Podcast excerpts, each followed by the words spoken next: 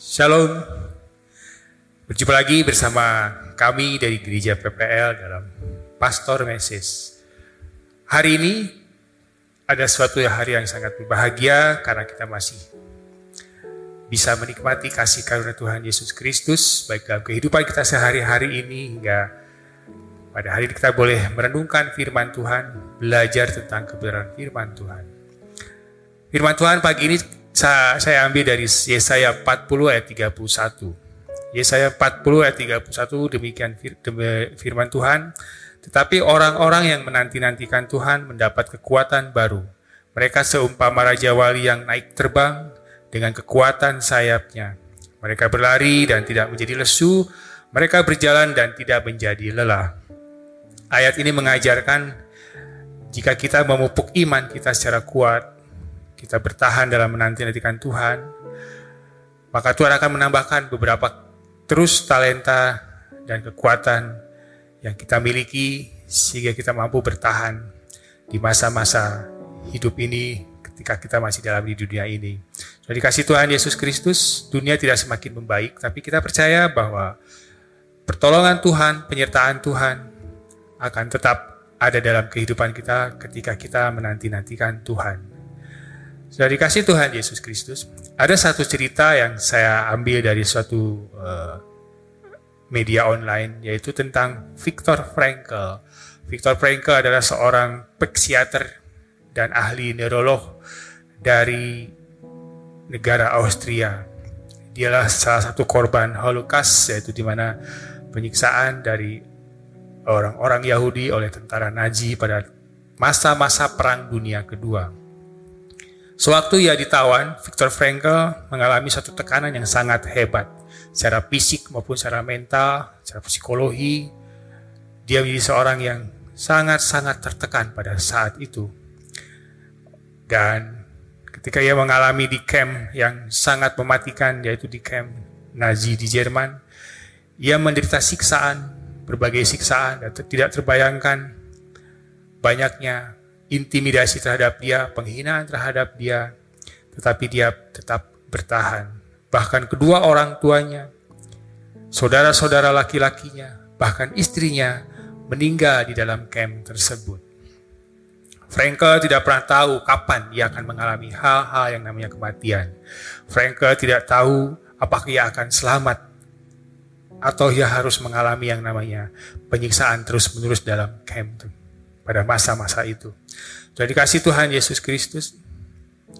Suatu hari dalam kesendirian, Frankel ada dalam satu penjara di kamar ta kamar tawanan. Ia dalam keadaan sendiri dalam satu tahanan yang sangat sempit bagi tubuh dia. Dia mendapat inspirasi, mendapat satu uh, peneguhan dari Tuhan. Bagaimana dia mengalami yang namanya rahasia kekuatan Allah. Sudah dikasih Tuhan Yesus Kristus, rahasia kekuatan Allah ia dapatkan saat ia dalam keadaan tertekan. Dalam mengalami yang namanya siksaan dalam penjara. Frankel dimasukkan dalam kamar gelap ketika akhirnya dia terbiasa dengan hal ini. Dia terbiasa dengan hal-hal yang menekan hidupnya. Dia terbiasa hidup di dalam penjara. Ia sudah berdamai bersama tekanan hidupnya, kesusahan hidupnya. Sudah dikasih Tuhan Yesus Kristus. Pada saat ia dalam keadaan di dalam penjara, dia mulai merenungkan firman Tuhan.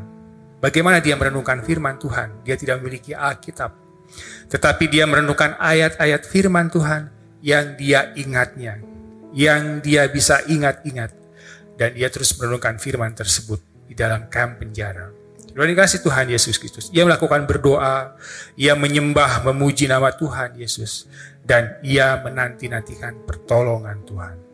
Sudah dikasih Tuhan, hal yang sangat sulit ketika kita harus menanti-nantikan, harus berdoa, harus menyembah Tuhan, bahkan harus menemukan firman Tuhan di dalam tekanan, bahkan di dalam penjara sekalipun yang sangat ia tidak mengerti apakah ia akan selamat atau tidak dalam penjara tersebut.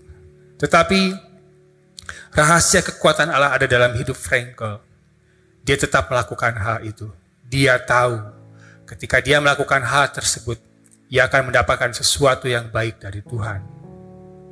Dan ia tidak tidak pernah merasa takut walaupun ada di dalam penjara yang menakutkan bagi setiap orang. Bahkan para penjaganya, para tentara-tentara yang menjaga penjara tersebut, yang menentukan hidup matinya para tahanan dalam camp tersebut, mulai melihat bahwa ada sesuatu yang lain dalam hidup dalam diri hidup Frankel. Sudah dikasih Tuhan Yesus Kristus, Frankel semakin kuat, semakin hidupnya mengandalkan Tuhan, semakin yakin ketika dia menanti-nantikan Tuhan, ia akan terus mendapatkan kekuatan baru. Dan ia mulai bisa menguatkan tahanan-tahanan lain, tahanan lainnya. Ia bisa menolong tahanan lainnya untuk menemukan kekuatan di dalam diri mereka Bahkan beberapa penjaga dari camp tersebut mulai berdatangan untuk mendengarkan nasihat-nasihatnya dari Viktor Frankl, seorang tahanan di camp pada zaman Perang Dunia Kedua, camp Nazi. Sudah dikasih Tuhan Yesus Kristus. Pada akhirnya, Viktor Frankl yang lahir pada tahun 1905 dan dia dipanggil pulang pada tahun 1997 dia mengalami umur yang sangat cukup dan sangat tua ketika dia meninggalkan dunia ini. Dan pada masa akhir-akhir hidupnya, dia adalah sebagai seorang penulis dengan filosofi yang terkena cara hidup bahagia melalui makna hidup.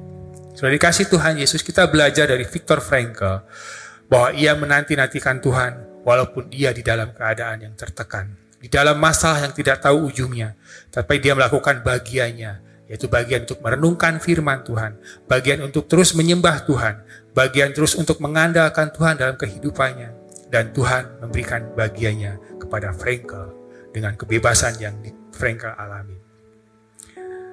Frankel terus berlatih secara iman, Frankel terus berlatih secara spirit, menghadapi masalah, dan ia berdamai dengan masalah.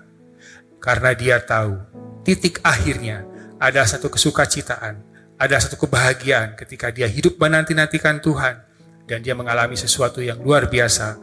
Dia menjadi seorang yang terbebas dan menjadi seorang penulis yang terkenal. Bahkan dia memberikan inspirasi bagi setiap rekan-rekannya. Sudah dikasih Tuhan Yesus Kristus. Tekanan yang kita hadapi hari-hari ini, baik dalam masalah tekanan hidup, masalah sakit penyakit, masalah hubungan bersama keluarga, pasangan ataupun anak-anak, itu bukan belum seberapa bagi kehidupan Franka yang dialami dalam camp penjara Nazi Tuhan. Dan hari ini saya mengajak bahwa ketika kita menanti-nantikan Tuhan, ketika menanti-nantikan Tuhan berarti kita sedang berserah total kepada Tuhan. Berserah secara utuh kepada Tuhan. Setiap masalah yang kita hadapi, Tuhan yang bertanggung jawab. Dalam Filipi 4 ayat 13 mengatakan, segala perkara dapat kutanggung di dalam dia yang memberi kekuatan kepadaku. Kekuatan itu akan kita dapatkan ketika kita berserah total kepada Tuhan. Ketika kita menanti-nantikan Tuhan.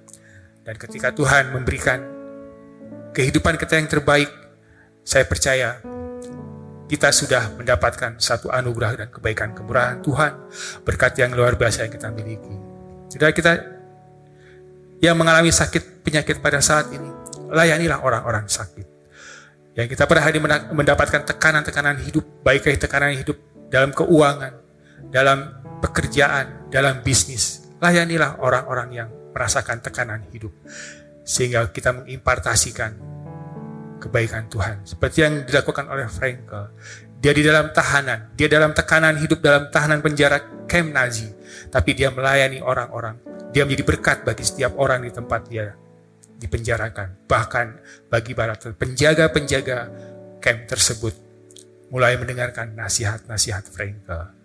Dari kasih Tuhan Yesus Kristus, masalah akan tetap ada dalam kehidupan kita. Kita akan terus mengalami yang namanya goncangan hidup, karena kita masih tetap hidup tinggal di dalam dunia ini. Tapi kita percaya, kekuatan baru akan kita dapatkan ketika kita menanti-nantikan Tuhan. Ketika kita mendapatkan kekuatan daripada Tuhan, kita tahu endingnya adalah sukacita daripada Tuhan Yesus Kristus. Dan dikasih Tuhan Yesus Kristus. Ada kalanya Tuhan menenangkan badai.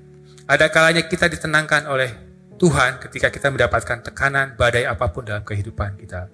Tetapi ada kalanya Tuhan juga membiarkan badai mengamuk dalam hidup kita. Badai menerpa dalam hidup kita. Dan Tuhan pun akan menenangkan saudara dan saya dalam hati kita masing-masing. Jadi Tuhan Yesus Kristus. Kita percaya bahwa kekuatan baru akan kita dapatkan ketika kita hidup dalam penantian menanti-nantikan bersama Tuhan Yesus Kristus. Dan kita akan mendapatkan janji yang amin. Tuhan akan berikan jawaban-jawaban yang luar biasa yang tidak pernah kita dapatkan sebelumnya. Demikian firman Tuhan hari ini. Tuhan Yesus memberkati.